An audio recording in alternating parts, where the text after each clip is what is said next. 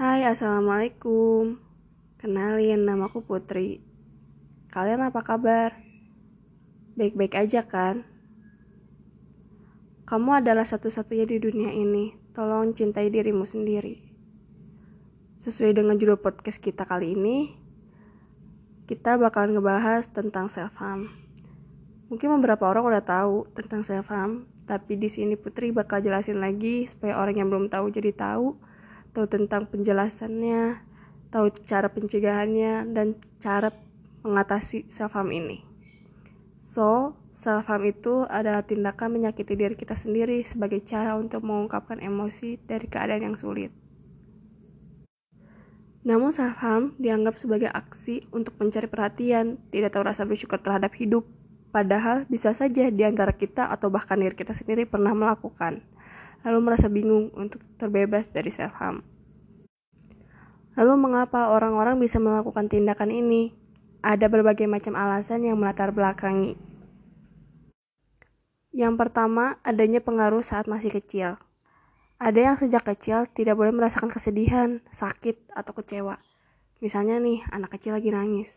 Terus orang tuanya bilang, kamu gak boleh nangis. Kalau nangis, tandanya kamu lemah, bukan anak mama atau anak cowok gak boleh nangis. Kamu harus kuat. Tanpa disadari, ajaran seperti itu di waktu kecil membuat seseorang menjadi tidak terbiasa untuk mengeluarkan emosi, terutama emosi negatif ketika hal buruk terjadi dan akhirnya memilih untuk menyakiti diri sendiri.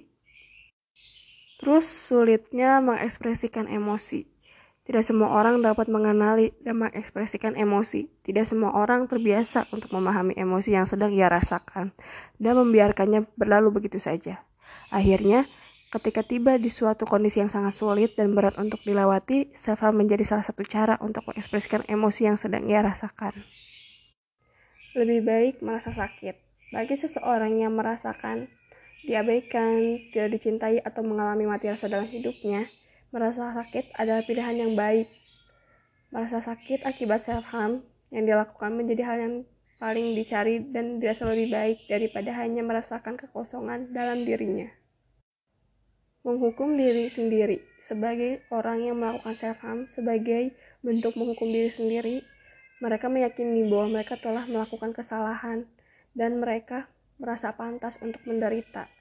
Biasanya hal ini dikarenakan pengalaman yang pahit di waktu lalu seperti mengalami kekerasan atau perundungan. Mengalami gangguan mental, beberapa orang melakukan self-harm didiagnosa mengalami gangguan mental dalam dirinya. Gangguan mental seperti depresi, kecemasan, skizofrenia, atau gangguan kepribadian lainnya. Sebuah survei yang dilakukan di Inggris menemukan orang yang memiliki gejala gangguan mental cenderung lebih banyak yang menyakiti dirinya di masa lalu. Ciri-ciri pelaku yang melakukan self-harm. Yang pertama, memiliki sejumlah luka di tubuhnya, seperti luka sayat, luka bakar di tangan, di badan, atau memar pada tubuhnya. Yang kedua, memperlihatkan gejala depresi seperti suasana hati yang buruk, sering merasa sedih, menangis, dan tidak memiliki motivasi dalam hidup. Yang ketiga, sulit bersosialisasi, baik di lingkungan rumah, sekolah, maupun tempat kerja.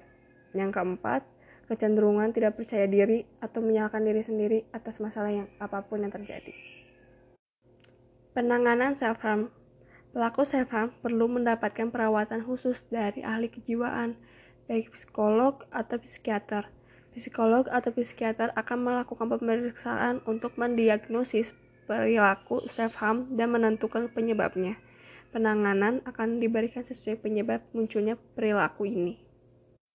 Di sini ada beberapa cara umum atau beberapa langkah penanganan pada penderita self-harm. Yang pertama, perawatan medis. Penderita yang mengalami luka atau masalah kesehatan lain perlu segera mendapat pertolongan medis, baik berupa rawat jalan maupun rawat inap. Yang kedua, ada terapi dan konseling. Terapi dan konseling dengan psikiater atau psikolog bertujuan untuk mencari tahu penyebab tindakan self-harm sekaligus menemukan cara terbaik untuk mencegah pasien melakukan tindakan ini lagi.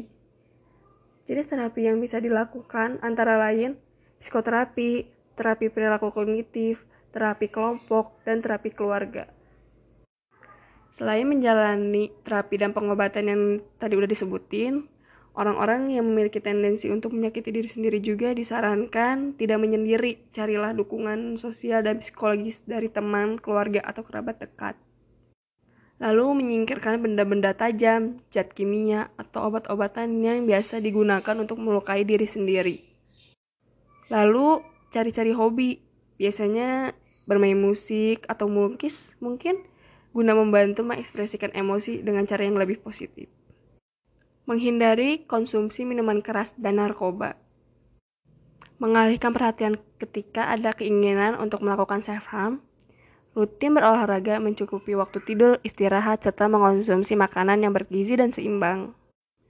Menyakiti diri sendiri adalah salah satu bentuk gangguan perilaku yang perlu mendapatkan perhatian khusus. Pelaku membutuhkan penanganan dari psikolog atau psikiater, terlebih jika kondisi ini berhubungan dengan gangguan mental tertentu. Nah, barusan ada penjelasan penyebab, ciri-ciri pelaku, dan beberapa cara penanganan orang-orang yang melakukan self-harm ini. Mungkin di sekitar kalian, teman dekat, atau bahkan keluarga mungkin, kalian menemukan ciri-ciri yang barusan disebutin. Yuk kita bantu mereka jadi pendengar yang baik dan mau bantu support mereka. Buat kalian yang mungkin sedang ada di fase sedih barangkali, tenang, masih banyak orang yang sayang dan peduli sama kalian kok. Jangan pernah ngerasa sendiri ya.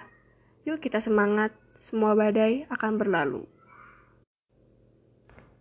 Sekian podcast kali ini, semoga menambah pengetahuan kalian. Sampai bertemu di podcast selanjutnya. See you, bye.